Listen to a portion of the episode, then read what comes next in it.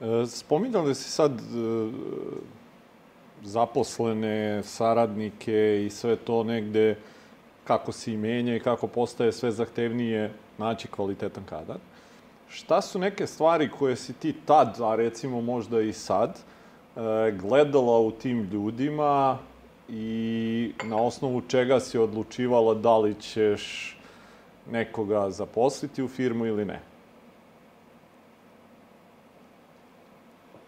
Pa mi imamo, na primjer, ovo, oh, nevjerojatno, oh, čula sam pre neki dan uh, od jedne svoje rođake koja radi u Nemačkoj da uh, će napustiti Teslu zato što ima potpuno nerazuman ovaj, radno vreme koje je overtime sve vreme, radi preko vremeno i tako dalje. I, I onda sam je moje pitali zašto ne odeš kod HR-a da razgovaraš, jer je HR-stvo sad ovde jako popularno na našem terenu, ali ja mislim da mi stalno kasnimo nešto pipola ovaj, sa trendovima u svetu. To je strašno sad popularno, ono, samo HR da ti nađe zaposlene, HR da ti agencije ove one. A ona je rekla, koga HR, ja nema HR-a u Tesli. Elon Musk ne veruje HR-a.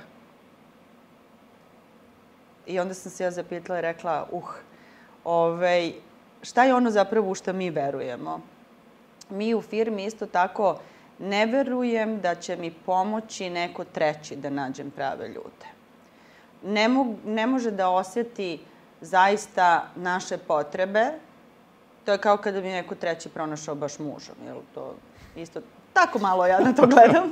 Mislim da za ljude moram da se vezujem i, i energijom i kulturom i razumevanjem i vaspitanjem i ono što uvek tražim je mi imamo tri kruga razgovora. Mi objavimo konkurs, onda ljudi dođu na prvi krug razgovora koji je čisto tehnički, da prva struktura sagleda da li je on tehnički spreman. Uh, da li je on, znači, profesionalno spreman za zadatak koji mu se daje na tom ovaj, rangu negde u firmi. E, kada pođe taj prvi krug, onda ide drugi krug razgovora, gde se sada uslovi ugovaranja, je li ono, da li mu se sviđa ugovor, da li mu se sviđa plata, da li, da li smo se dogovorili, znači, za posao. I treći je onda je dolazi krug razgovora da razgovara a, sa nama a, koji smo osnivači firme. I mnogi kažu pa nećeš da razgovaraš sa svakim čovekom ne možda svaki. Nećemo sada sa svakim radnikom na koji će raditi na građevini, jer su nekad oni sezonski. Ali ljudi koji ulaze u sistem kakav je naš eh, project management, eh, projektovanje, koji će nositi i nedriti sve ove ovaj, poslove koji su naš obraz, uh, moraju da porazgovaraju sa nama da se prvo prepoznamo. Da li ćemo otići u tom prvom kontaktu, je li biti kompatibilni, da li ćemo imati neke, ove, ovaj, ili ćemo se, os, prosto osetimo toliko intuicije, uh, imam puno godina, pa onda valjda i puno intuicije, mm -hmm. a i žensko sam i uvek nekako osetim ovaj, tu energiju i to ne znači da čovek nije dobar, nego možda prosto mi se čini da neće biti dovoljno lojalan ili da uh, ne pričamo isti jezik i tako dalje. Eto, tako ta tri kruga obavljamo mm -hmm. i to su uslovi da se onda krene u, u posao ovde u, u našem brendu. A ono što mi je važno je da svi prepoznaju da ako smo se mi kao osnivači pa onda ja kao arhitekta, mislim, arhitekte su strašno sujetna struka, to kao doktori i tako. Znači, to kad kažeš ja sam arhitekta, oni svi naprave biro koji se zove po njihovom imenu i prezimenu. Vrlo malo od njih napravi brend. Mm -hmm. I ovaj, na zapadu je to normalno, pogotovo u Holandiji u kojoj smo pričali, tamo je jako normalno da je partnerski biro i da oni imaju brand, odmah su brand makeri. Ovde ne. E, ako smo se mi onda od starta odvojili od tog ega i rekli smo mi pravimo brand i taj brand sutra treba da bude možda brand naše druge generacije ili da bude brand naših zaposlenih, visoko zaposlenih, najlojalnijih koji će preuzeti brand kad ja rešim da odem u penziju, a često već razmišljamo o njoj, Ove, e onda i taj svako ko dolazi u naš tim mora da prepozna da su mu ovde otvorena vrata da igra za brend i onoliko koliko on bude gradio taj brend i pojačavao, promovisao, podizao, govorio lepo o njemu. Jer vole ljudi, idu na posao, a govore ružno. Mm -hmm. ovaj, toliko će taj brend svojom snagom da uzvrati njemu, da ga istakne i te kako, jer to nam je politika firme, da on svoje ime i prezime i svoju uh, reputaciju, svoju biografiju, svoje reference izgradi na najvišem nivou. Jer ne može sam da nađe odmah da se potpiše na objekte jeli, kakve mi imamo već ugovorima, ali mi ćemo mu omogućiti da on steče te reference krajnje ovaj, otvoreno i nesebično, a eto, ta prepoznatljivost, da li ćeš uh, voleti taj brend kao što ga možda negde volimo mi, ne možeš toliko, ali u dovoljnoj meri, ovaj, je, mislim, odlučujuće. Mm -hmm. Koliko je e, vama i tebi lično i suprugu e, taj deo razdvajanja identiteta vas kao osnivača i same firme E, bilo prirodno ili je to negde došlo kao neka lekcija naučena kroz samo postojanje firme i vaš neki lični razvoj kroz isto? Pa to je bilo definitivno zaključak onog prethodnog perioda. Mm -hmm. Gde sam sve radila, šta smo sve radili. I onog stava što sam vam uz početka rekla da smo želi da napravimo nešto što je naša zemlja imala i ovaj, da je to ipak uh, firma brend koji ima onako razgranati sistem i tu onda ne može jedan čovjek da bude ovaj, alfa i omega. Uh, mora da, da se to drugačije gura kroz neki širi menadžment. Uh, tako da nam je to bilo opredeljenje odmah.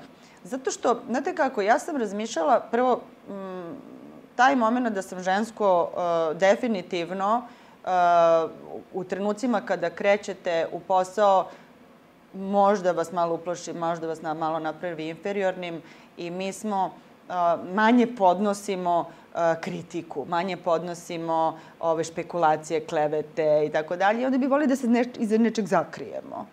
I uh, možda je zato meni bila ideja, jao, nemoj kažu Anja Biro ne valja. nego ajmo mi brand Arhipro. Pa kad kažu Arhipro ne valja, ja se okrenem svim mojima koji zaposleni kažu, kažem zašto ne valjamo? Šta smo radili da ne valjamo? Vi ste ti koji pravite brend i kad vam neko na ulici kaže e, onaj arhipro ništa ne valja, nije ono, znate šta je uradio, su, naravno, ljudi generalizuju, imate nekad grešku, imate nekad pobedu, ovaj, ali uh, ja se uvek onda vratim tom, čak i u našem timu, koji kažu, rekli su, ja kažem, i šta je bilo, kako si ti odgovorio? Si rekao, a pa to je Anja, ona ništa ne valja, ili ste vi, vas 200 koliko vas je ovde, pronašli krivce I to mi je bila ideja. Mislila sam da se, će se tako bolje braniti i kvalitet i da, ćemo, uh, da će ljudi manje uh, sporiti sistem i brand nego jednog čoveka. Možda nisam bila ni spremna na tom početku da budem taj čovek vinovnik za sve, nego uh, sam eto krenula mm -hmm. da mhm. pravim sistem.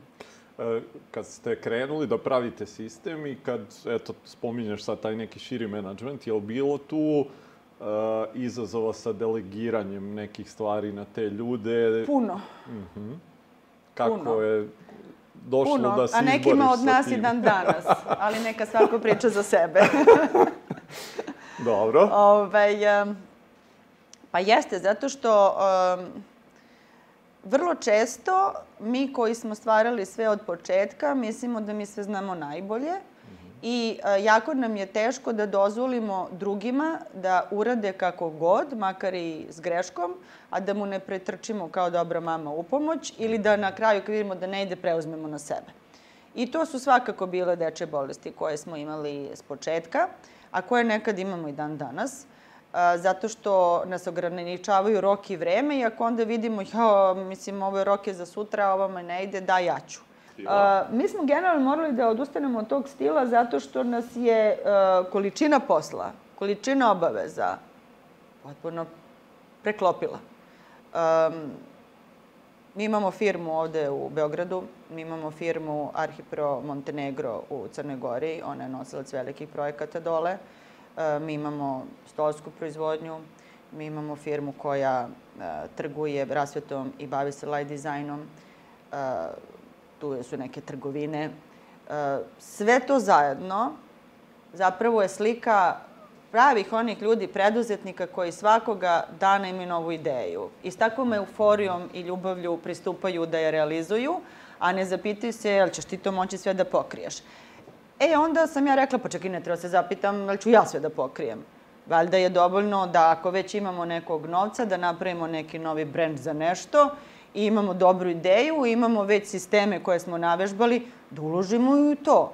I to je bila čak i jedna ideja malo o diversifikaciji rizika, zato što u nekom trenutku građevina je bila u problemu, uh, ali trgovina nije, moraš da platiš da bi imao neku stvar, predmet, jel, ajmo malo tu, ajmo malo ovde.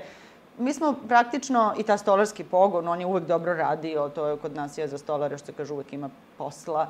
I sve su to bili segmenti, uh, moj suprug će pričati o sebi, ali ta struja je izuzetno poglavlje i sve više sada ovaj, se priča o tome, o energiji, energetici. Tako da, sve su to neki klasteri kroz koje smo mi razvijali po neke svoje ovaj, biznis ideje i uh, mislim da je to i jeste naš posao, da mi razvijemo našu ideju, realizujemo, a da onda nađemo ljude koji će da je vode. Međutim, to jeste teško i jeste nas preklapalo u nekim momentima i jeste da sam u nekim momentima rekla ti si ludo, ti ćeš pući, ti ne možeš više ovako, ajde brzo da zatvoriš tri brenča i da se fokusiraš na ono što možeš i gde u tom trenutku to nešto donosi novac. Međutim, opet postoje ta pravila, to je taj trenutak, sledeći je obrnuto. Mi smo preživjeli, ja mislim, ovih 20 godina kao građevinska firma, što je jako teško na, na našem području. Primetili ste da dođu pa budu veliki pa ih nema i tako dalje. Ove, teško je zbog onog što sam malo prepričala šta su stvarno profiti. Ove, mi smo možda preživjeli upravo zbog te velike diversifikacije, te lepeze usluga, što smo uvek nešto imali šta još da radimo i šta, ko da poštapa koga je. Sad Crna Gora odlično radi, a ovde je kriza, a I, i, I zbog toga i dan danas razmišljam šta dalje. Pa ne možemo na ovom da ostanemo, sad da razmišljamo o tom iskoraku u e, EU i našim, našem birovu tamo i e, ovaj, davanju usluga potpuno internacionalno. To, to smo već počeli da radimo, ali to bi sad to trebalo da se iskanališe i institucionalizuje, da mi imamo branch u svetu i da, kao što smo počeli male izvoze da radimo, da sad radimo veće izvoze. To mhm. nam je neki plan za budućnost. Jer mi u stvari svaki dan moramo da razmišljamo kako ćemo obstati dalje. Ništa nije garant, zagarantovano. Ne može jedan uh, učmali sistem da radi besprekarno 20 godina. Mhm. -huh. Šta su neke stvari koje si ti moralo da menjaš kroz, kod sebe kroz ovu preduzetničku karijeru? Kod mebe kao šta? Kao osobe? Kroz ili... vreme, šta si menjala, da, kod sebe kao osobe u prethodne, eto, dve decenije poslovanja? Teško pitanje. Mogla bih puno o tome. Ove, pa, uh, ajde da kažem kod sebe, verovatno kao osobe i kao karakter, jel? Um, ja sam od, od starta, od kada smo ovaj, počeli, a i dan danas imam tu neku veliku izraženu crtu empatije. I to je nešto što uh, pokušavam da mu nađem pravu meru. Mhm. -huh. I što konstantno menjam. Menjam, smanjujem, razumevanja, jel? Znači, ta količina razumevanja, empatije, nekog humanog odnosa ovaj, i sa timom i sa ljudima uopšte i pokušam da to onda iskanališem. Dobro, jesi, jel toliko voliš to, srećujete kad si human? E, dobro, ajde da mi smislimo neke humane akcije, a ne da, da se trošimo svaki put na nešto gde to mu nije mesto. Ne zato što možda neko ne zaslužuje, nego zato što u sistemu koji praviš kao kompanijskom čvrstom mora da postoji disciplina, red, rad, mir i strogoća, jel? I sad taj momenta kad ti uletiš tu kao kegla sa tom svojom emocijom, kažeš, ja, pa čekaj, ne, žena mu danas nije dobro, pusti ga. Jel ti, to je super, ti, ljudi kažu, pa to je divno kako ona sve primeti, kako ona nas razume, ali na kraju krajeva se tu negde nešto uruši i, i, i napravimo neki faul. E sad to je ono gde ja pokušam da mhm. balansiram i dan danas da napravim ovaj, neku izmenu kod sebe, ali ne može ovaj, lako. A ono što sam definitivno uspela da promenim, to je ono što smo pričali, od nedelegiranja do delegiranja posla i to još sad onako sve više vežbam. Uh, utešila sam se nedavno sa jednim jako velikim našim ovaj, uh, biznismenom, koga sam srela uh, da sedi ispred svog zdanja i gleda kako niče i rukovodi nekim sitnim mikromenadžerskim pozicijama i koji mi je rekao, e, nemoj samo i ti da počnem da pričati o delegiranju posla. Kao, ili imate tim, gospodine, ili imate ove, ovaj, zaposlene, zašto to radite? Tako da, ovaj, mislim da tu sve, o, ne, nema pravila, jel? Moramo da, moramo da na kraju sebe očuvamo kao karakter. Mislim, ne može da te se izmenite. Ja sam na kraju rekla, pa ne mogu ja da se menjam baš u potpunosti kao karakter, ali mogu da poštujem pravila. Pa ako ih postavim za firmu, postavljam ih za sebe i onda, eto, na primjer, jedno pravilo je nemoj da me pitaš ništa na hodniku. Jel? Mhm. Naši ljudi vole da kad vide menadžera na hodniku, kaže, joj, mogu samo ne da pitam. I onda to što su dobili kao odgovor na hodniku, to je kao... To, njima je to nekada značajnije nego kad im napišeš mail. Drže se tog odgovora na hodniku, eto sad pravilo, nemoj da pitaš ništa na hodniku. Imamo sad neka još ovaj, pravimo Dobre. jedan spisak pravila koji će biti možda smešan, ali će prepoznati svaki moj kolega preduzetni reći, jao, to, -hmm. ne može. Koliko je lako ili teško bilo graditi firmu sa supružnikom? E, da smo bili iste struke, a ne da je Bože oboje arhitekti, mi bi se vjerojatno pobili. Ali pošto mi nismo, kažem opet ta sujeta, mm -hmm. i mhm. ima, ja ne znam da li znate, ja sam rodonačelnik ideje od tog osnivanja tog ženskog arhitektonskog društva mm -hmm. i mhm. suosnivač sam i, i aktivni sam tamo ovaj, borac. Uh, stvarno postoje struke gde e, je toliko ta karijeralna karijera e, bitna i to, to je dostignuće u karijeri bitno, da um, se svi mogući elementi isklizavanja i izguravanja onog drugog koriste. I onda kad imate još taj gender element da možete da potisnete, garantujem, nije feminizam, nego realnost da ovaj, postoje tehnike zbog čega negde žene ostanu na nekim middle nivoima u arhitekturi. I, ovaj, I zbog toga se šalim i kažem da smo bili ovaj, oboje arhitekti, pošto ja ne trpim da mi ne daju za pravo da ja moju arhitekturu stavim na broj jedan i sebe. Ovaj, on mi sigurno tu nešto bi se mi ovaj, tu sporečkali. Um, Međutim, bilo je dobro zato što je moj suprug drugog, druge inženjerske branše discipline i u stvari smo onda od starta bili kompatibilni. I ono šta nam je bilo savršeno lako je bilo što smo stalno imali iste probleme, iste potrebe, iste obaveze i što smo to uspešno delili. Jednako smo se brinuli kad se nije imalo i kad se imalo i kad su deca bila mala, srednja, velika i um, dobro je bilo što smo delili i sve iz tu firmi te probleme i što kada smo dolazili kući, nas pitaju, jel vi kad dođete kući pričate o problemima? Ja kažem, ne, mi kad dođemo kući mi samo ćutimo. Pa kako ćutite? Pa rekao, to je najveće blago koje imamo mi kao supružnici što smo partneri u biznisu. Što niti njega čeka supruga kod kuće koja kaže, a što se ćutiš? A kad ćemo u maksi? Ajde ustani što si lego, jel? To nema. Niti on meni kaže šta si sad legla, ćeš da kuvaš, ajde bre, deca gladna, šta. Mi smo izmoždeni, mi poštujemo to stanje jedno kod drugoga, niko nikog ne ugrožava i to ja mislim da, da je to bio u stvari, da je bitala to velika sreća i veliki uspeh našeg braka je upravo ta spoznaja kako je onom drugom, jer smo danas prošli isto. I šta god da moramo kod kuće da uradimo, nekako podelit ćemo ovaj, snagu i energiju, pa ćeš danas ti sutra ja. I uh, stvarno, uh, moja velika druga sreća je moj brak. Mm -hmm.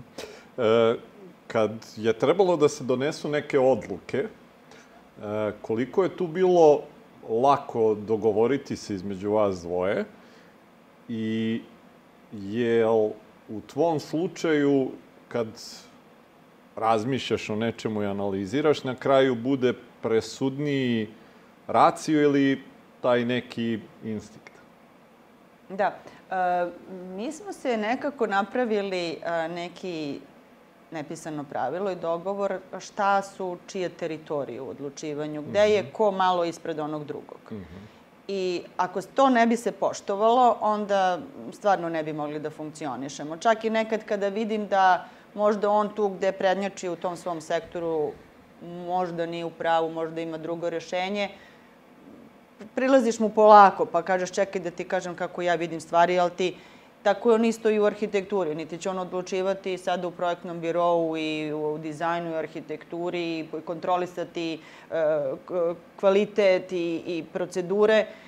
Ja sam rekla, ne znam, tvoju branšu, evo ti financije više, a ne, idi u banke, poznavaćeš više tu materiju, ja ću se baviti razvojem menadžmenta. E, tako da, to poštovanje gde je ko prednjačio i gde ko vodi tu neku ulogu broj 1, To je nepisano pravilo koje nas je spasilo, a odluke uh, smo donosili tako što zaista uvažavamo mišljenje jednog drugog da nam kaže, kažemo mi jedan drugom kući svašta, jel? Ovo, ja ne mislim da je to tako, ti ne misliš da je to tako, ali na kraju izlazimo sa nekim konsenzusom kako ćemo da, da delujemo. Tako da, To je bio metod. Mm -hmm. Raspodele odgovornosti. Okay. A donošenje odluka kod tebe je li više naklonjeno... Da, uh, Pa jeste um, nekako zajedno. Mm -hmm. Racio mi je kao na prvom mestu. A onda, kao kad bi kuvo čorbicu, onda tu malo dodaš, zabiberiš ovaj, uh, sa intuicijom. Mm -hmm. A kod muške strane nema intuicije. Ima to gracija i sigurnosti u svoj stavi svoje znanje. E sad ja mislim da mi žene u stvari ipak smo malo privilegovane s tom intuicijom, iako vi muškarci nama kažete ti si veštica. Uh, je kao šta ti sve znaš, jel? Ove, ovaj, pa ta veštica je u stvari potpuno dobar izraz. I treba da budemo malo veštice. Tako da, eto, taj balans je dobar. ok, spomenula si malo pri jednom trenutku uh, da za neke stvari razmišljaš unapred o trenutku kad uh, se ti penzioniš kako to razmišljanje o penziji izgleda? I kako ga ti vidiš? Da, pa e, to penzionisanje zapravo vidim kao zaslugu da posle velikog broja godina mogu malo da i ja i suprug malo da se ovaj, izmestimo, da nismo toliko e, više u stresu, odgovornosti, nismo više ti prvi nosioci rizika jeli, poslovanja, da smo neki um, stariji konsultanti, da smo uvek mhm. tu za konsultacije našem timu, bilo da to nasleđuju naši sinovi koji jesu već ovde, bilo da to nasleđuje jedan menadžerski tim koji imamo nameru da odredimo i da bude tu da sutra nosi brend da živi dalje. Ovaj, a da mi budemo, da se bavimo onoliko koliko nam je lepo i ugodno, da možda neke svoje fantazije, snove, ideje im povremeno plasiramo, mogu i ne moraju da ih usvoje, ali sam sigurna da savetodavno će nas još dugo pitati. Mm -hmm.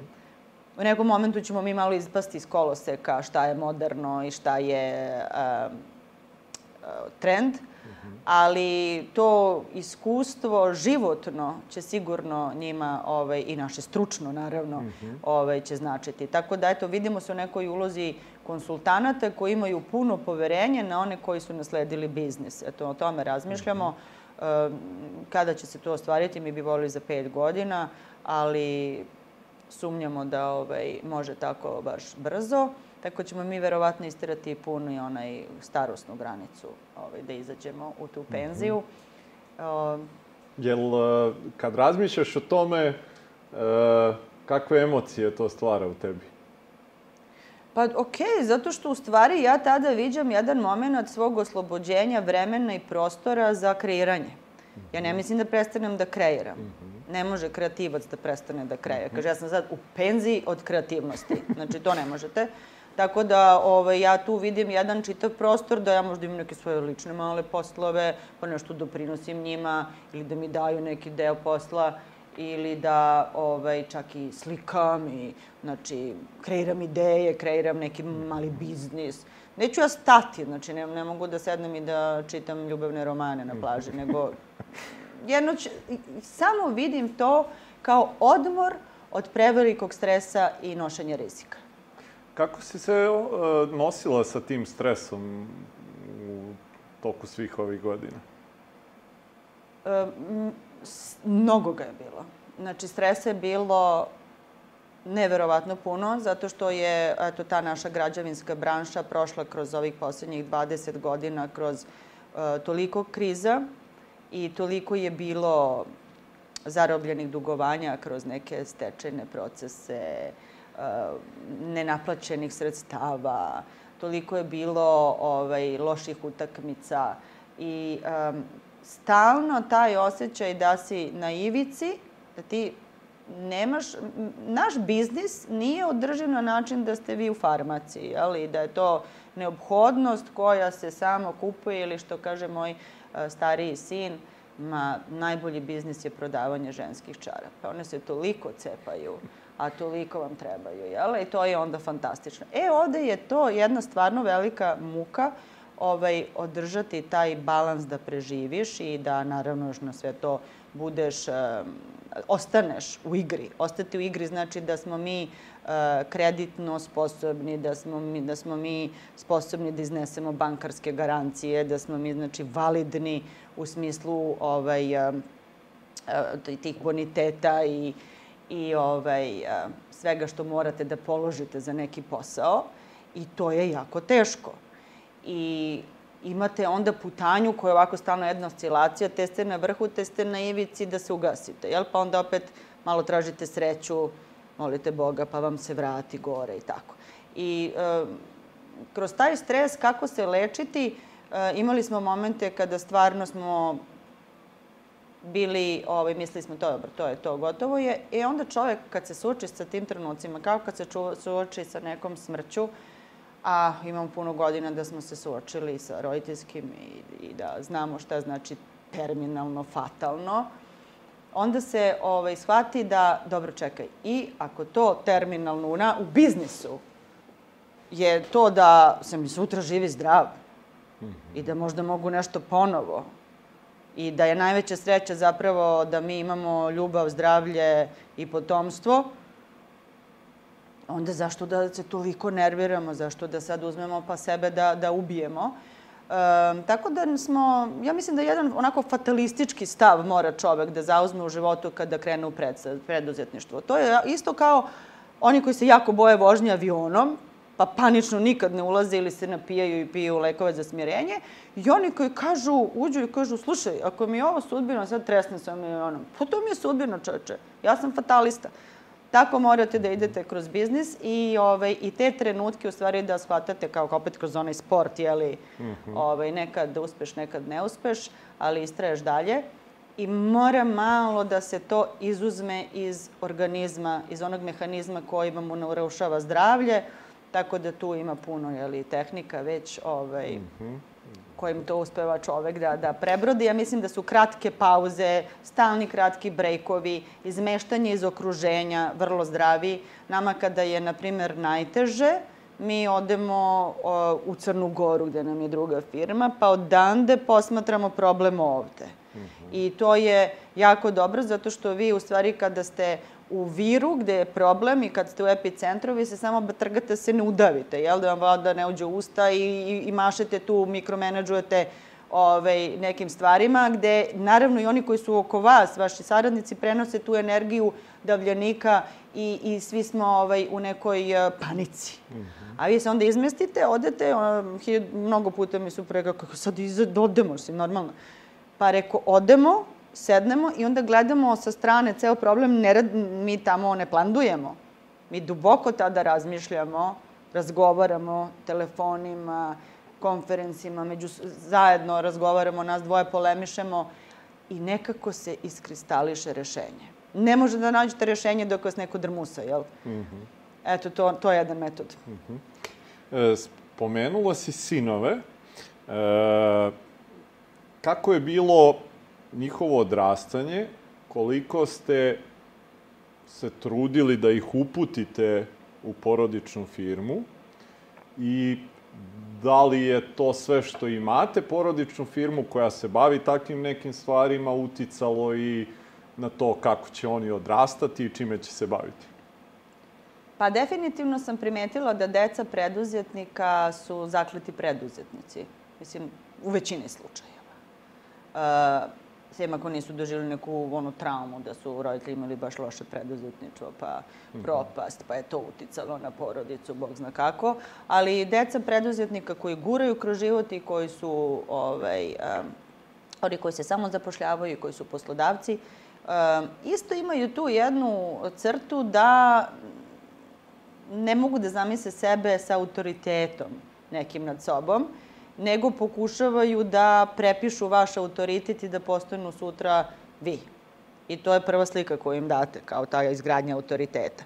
E sad, dobar roditelj opet treba da prepozna, da bude realan, da to nije samo što ga ja najviše volim na svetu, pa je on odmah meni prvi svima, nego da prepozna da li su ta deca sposobna i spremna, da li oni uošte kao svoj karakteri i kao e, da imaju mentalne i psihičke uh, resurse da iznesu ovo što iznosimo mi. E, tu ima dva puta, ako jesu, onda im otvori, ostavite otvorena dvoja vrata. Jedna da krenu ovaj, sa vama u firmu, druga je da krenu negde sami, da rade neki svoj novi biznis mm -hmm. i da mhm. prave. E, a ako nisu, onda im je put da im date najbolje škole, da ih uputite e, u najbolje edukacije, da mogu sutra da budu na najboljim pozicijama u najboljim firmama, da im napravite putanju za dobru karijeru u nekim uh, megakorporacijama, jel? Tako da, ovaj, ili u nauci, kako god. Znači, nije imperativ da morate ga ubedite da je on preduzetnik. Ovaj, morate to vi kao roditelj da, da budete vrlo kritični i realni, zato što on a priori hoće. O, ti si direktor, a ja kad ti ustaneš, ja to, to sednemo. Da, kako neće sine. Ove, znači, to, to je užasno loše, zato što time naudite i sebi, i detetu, i sistemu, i firmu, i ljudima, i ništa to ovaj, nije dobro. Tako da jedno je ako mu ostavljate stan u nasledstvo, a drugo je ako mu ostavljate firmu u nasledstvo. Potpuno različito. Ono što smo mi uh, prepoznali je bilo da oni jesu kadri da budu autoriteti, da jesu kadri da, da podnesu sve ove uh, rizike i napore, jer su veliki kreativci jer im e, nemirni su svojim kreacijama i svojim idejama šta i kako i nisu oni zaluđenici da su to samo neke ideje nonsens koje ne može ni da se ostvare, nego su već pokrenuli neke svoje ideje, krenuli neke svoje realizacije koje nemaju veze sa ovom firmom, znači imaju neki svoj mali biznis i koji je čak i izvan njihove branše, oni isto su arhitekte, ali je izvan toga i pokazuju nam, ja mislim da je to bio u stvari challenge, njihov izazov, da nam pokažu kako uh, mogu nešto sami. Pa onda, evo, možda možemo i tu. I mm, postoje sad opet dva puta, da li će oni ostati u ovoj zemlji ili neće. Nažalost, uh, šta god da si ovde napravi i uradio, vidim i mnogo veći i jači od nas, ovaj, vole da svoje deci naprave odmak i da imaju uh, zapravo residential stanovi, stanište negde izvan Srbije. Zašto je to tako? To je vratno tema drugog serijala. I mi na taj način smo malo reagovali i uh, jesu uh, živeli i učili škole i radili po inostranstvu, jedan je još uvijek u inostranstvu. Ovaj, postoji i, i ta svest da ne smemo da ih držimo pod suknjom, da ne smemo da im kažemo ti moraš da živiš ovde, nego da im možda napravimo priliku da ako žele da žive negde drugde, da izučavaju neke druge kulture, kojih sam ja jako svesna jer sam pričala da su i meni doprinole kao osobi, ovaj, onda da im samo pomognemo u tome.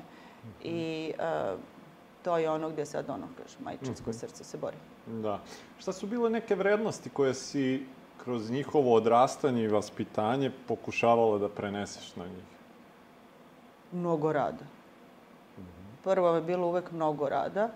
Ovaj, tako da, i e, pokušavali smo da prenesemo Ne možete vi neko da naterate da radi ako on lenji, neće nikako. Mislim, ima stvarno ljudi, karakteri, deca koja ne, ne možete da go onom de, periodu puberteta uopšte okrenete iz uh, opcije da planduje i ne radi ništa i bavi se glupim, ne znam, sad društvenim mrežama, tad još i nije bilo tako, tad je bilo onih igrica. Uh mhm. -huh. ovaj, I da ima volju da nešto uh, stvarno korisno za sebe radi.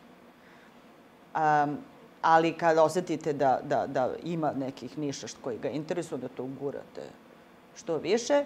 I e, zapravo, ja sam par puta pričala i mislim da je to u stvari pravi odgovor, da smo mi deci nismo dali za role model, odnosno nismo im dali za kriterijum broj jedan u životu da um, pare, uh, taj finansijski uspeh, uh, imati brend pa se ti sad osjećaš kao ja, ovo je moje imanje ili uh, ta pozicija uh, autoriteta, ja nad nekim sam autoritet. Ne, uspeh. Hoću da si presrećan svojim uspehom. Hoću da živiš samo za taj uspeh. Hoću da, ako si skreirao taj neki svoj dizajn ili si šta god da si napravio, kad, ili si pobedio u sportu, stalno je bilo taj um, podsticaj da osete čar uspeha i da mi je uspeh primarna stvar. I to je, mislim, dobar put, u stvari, zato što ako teže uspehu, pa sve ostalo će doći.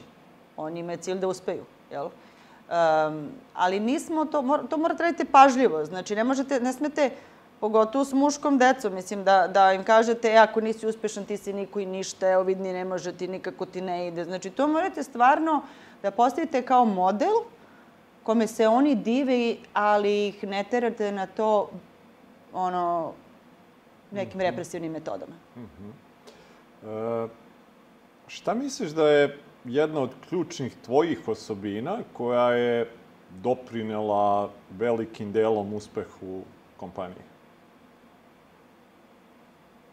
Pa, e, razmišljam šta kažu zaposleni, na primjer. -hmm. Šta kaže moj tim, šta kažu ovi, moji najbliži saradnici. Um, oni kažu da ja imam neku energiju podsticajnu koju kada pričam sa njima, oni odjednom postaju nešto što nisu znali ni da mogu ni da očekuju. I da je to, ta, ta verovatno, da li se to zove harizma ili se zove ovaj, posticaj i, i ovaj, motivacija, to je nešto što je definitivno broj jedan. E, pred kraj razgovora ovako da se dotaknemo malo onih koji nas gledaju, a koji su možda ili na počecima ili su negde ovaj, u tome da razmišljaju da uđu u preduzetništvo. I to se negde lepo uklapa i sa tom funkcijom koju si imala ambasadorke preduzetništva. Ovaj, šta su neke stvari i saveti koje bi dala tim ljudima? Um, prvo moraju stvarno zaista da odmere svoj intenzitet želje i zamisao šta znači preduzetništvo. Znači, to nije videti neču sliku nečeg života koji je preduzetnik i reći pa da ja isto ovako ovo. Evo što ću, hoću ja. Znači, e, moraju prvo da to gledaju preduzetništvo e, u sebi. Ne da prepiše model, nego da razmotri u sebi samom da li je on spreman da iskreira nešto, da realizuje da podnese uh, sav napor, sve rizike, prevashodno da izmeri snagu za podnošanje rizika i snagu da propadne, znači moraš da imaš snage da propadneš i da ostaneš živ, mm -hmm. i onda da u to krenu. Ali ne na način da se sad obeshrabre, nego na način da kažu, e, sve sam to spreman, a ja ću sada da uradim sve kako treba i to će biti dobro. E, tako da, e, moj najveći e, savjet svima je uvek bio da pokušaju. Jer ko nije probao, nije uspeo. I ko nije probao, ne zna jel može. I to je ono kad ste me pitali ovaj, šta sam radila pre Arhiproa, pa ja sam probala. Kako ste znali kad dolaze zaposleni prvi, drugi, od čega plata? Pa ja sam probala. Probala sam taj mhm. prvi mesec, pa sam probala i prvu godinu i onda smo išli dalje. Tako da, um, najbolje je uh, dati sebi za pravo da, da probaš neki period i da vidiš kako ide i ne ide i ne odustati od prvog neuspeha zato što možda samo niste imali prave začine u tom planu pa malo da se posavetujete ako ste prvi put propali sa nekim drugim šta misli i uh, da onda uradite još jednu korekciju pa sad ako ste drugi put propali ništa onda ajde da... Mm -hmm. Ok. Kad uh, sam pravio najavu same emisije, rekao sam da si dobila nagradu Cveta uspeha za ženu zmaja. I preduzetništvo je ovde tek ono negde kod nas u, u, u začetku i malo ima tih nekih priznanja koje dobijemo baš za njega i pogotovo je značajno kad dođe od kolega. E, sad opet, apropo te priče tog vaterenog lava i te nagrade koju si dobila, e, iz ove sad perspektive malo je prošlo vremena, ne toliko dugo, ali pretpostavljam dovoljno da se ipak ti neki prvi utisci slegnu. Kako sad vidiš tu nagradu? Uh, cvet uspeha. Mm -hmm. uh, ja sam... Um, ja sam prezahvalna zapravo uh, na svim nagradama koje su došle od uh, udruženja gde zapravo je to kuća svih mojih uh, kolega na tržištu, jel? Kada uh, preduzetnici se okupe pa kažu, e, ti si stvarno nešto dobro radio i uradio, ovaj, to mnogo znači. Tako da, mm, ja sam uh, doživjela tu nagradu kao veliki podsticaj za dalje, naravno, ali isto tako razmišljala sam u jednom trenutku Pa dobro, zašto smo morali da napravimo uh, udruženje poslovnih žena da dodeljuje nagrade ženama samo, a da vrlo malo u drugim nagradama ovaj, ima žena koji prođu i dodele im se nagrade, jel? Znači, mislim da bi generalno možda to negde oslabljuje samu ideju da li je to stvarno vrhunska nagrada ako smo samo odvojili jedan džender, jel? Mm -hmm. uh, Međutim, ja sam ipak sigurna da, da je to veliki posticaj za ostale žene i zato mislim da je to važna nagrada. Posticaj da ćete neko primetiti i da ćete podržati i to je pre svega jedna podrška za dalje. Uh -huh. Anja, pitanje sa kojim završimo razgovore, da imaš priliku sad da se vratiš eto negde u taj kraj 90-ih ili 2002. kad je firma sama zvanično osnovana, sa svim ovim što sad znaš, da imaš priliku da daš sto Janji, eto, iz tog vremena neki mentorski savet, šta bi joj rekla? Ja kad razmišljam o procesu, sve šta je prošlo onako ovaj, i, i šta sam odlučivala u tim momentima, čak i neke loše odluke su zapravo i neke, neki previdi i greške koje sam napravila i razočaranje koje sam imala su u stvari sada tako dobar deo tog životnog procesa, iskustva i procesa rasta firme i imaju svoje zaslugu kao lekcija za kasnije, tako da ja suštinski to ne bih menjala na način da poremetim budućnost. Znači, ne bih otišla mm -hmm. sada kod Anje iz 2000 ti rekla i nemoj to i nemoj ovo, jer e, neki stramputica bi opet bilo, nekih teškoća bi opet bilo. Ja mislim da je ovo sve bilo idealno da ovaj, budem sad sigurna u sebe. A taj moment vi kad sazrite i kad postanete iskusan u svom poslu i u svom životu je moment kada ste vi apsolutno sigurni u sebe i gde god da dođete, vi ste autoritet u onome što radite i onome što ste učili školu. E, taj osjećaj, znači ja sam sad zadovoljna, meni je on potpuno ovaj, top i ne bih ništa promenila, ne bih dala savet ovaj, u, u nekakvom iskoraku drugačijem, ali jedino što bih sebi dala savet je sada da a, ljude koje sam predosetila da neće biti pošteni i da a, osetila sam tu žensku intuiciju, sam imala, a nekad i moj suprug, a ja sam to pokušavala da ne vidim, ovaj, e, da sam imala da će me taj čovek zapravo na kraju ružno prevariti i čak pokušati da ovaj, i, i surva deo ovog sistema, e, da sam trebala da reagujem i da nemam tu vrstu e, nepoverenja i empatije prevelike, nego da odmah reagujem i sečem i da takve ljude ne primam u svoj život i da ih brže eliminišem, jel? Tako da mhm. bih ja to sad malo popravljala kod sebe, mhm. taj osjećaj nemoj da se vezuješ za ljude toliko seci onog trenutka kada osjetiš da nešto ne ide. Okay. E, hvala ti puno na odvojenom vremenu. E, želim i tebi i porodici i celoj organizaciji da lepo proslavite ove zvanične dve decenije da. postojanja. Da. da nastavite sa svim sjajnim stvarima koje radite, da E, zaista evo i u regionu, a i ti neki planovi koji imate za izlazak i na evropsko i na svetsko tržište se ostvare da e, postanete još jedan brend koji eto predstavlja Srbiju negde na pravi način, da taj neki iskorak i sledeća faza e, života Arhiproa sa možda vama ne toliko na čelu, već u nekim drugim ovaj ulogama prođe onako kako treba da prođe. i da ti i suprug onda uživate u svemu tome na jedan pravi način. Puno hvala, divne su želje, mi ćemo da im težimo. Hvala ti puno još jednom, hvala i vama što ste bili sa nama i vidimo se sledeće nedelje. Prijatno.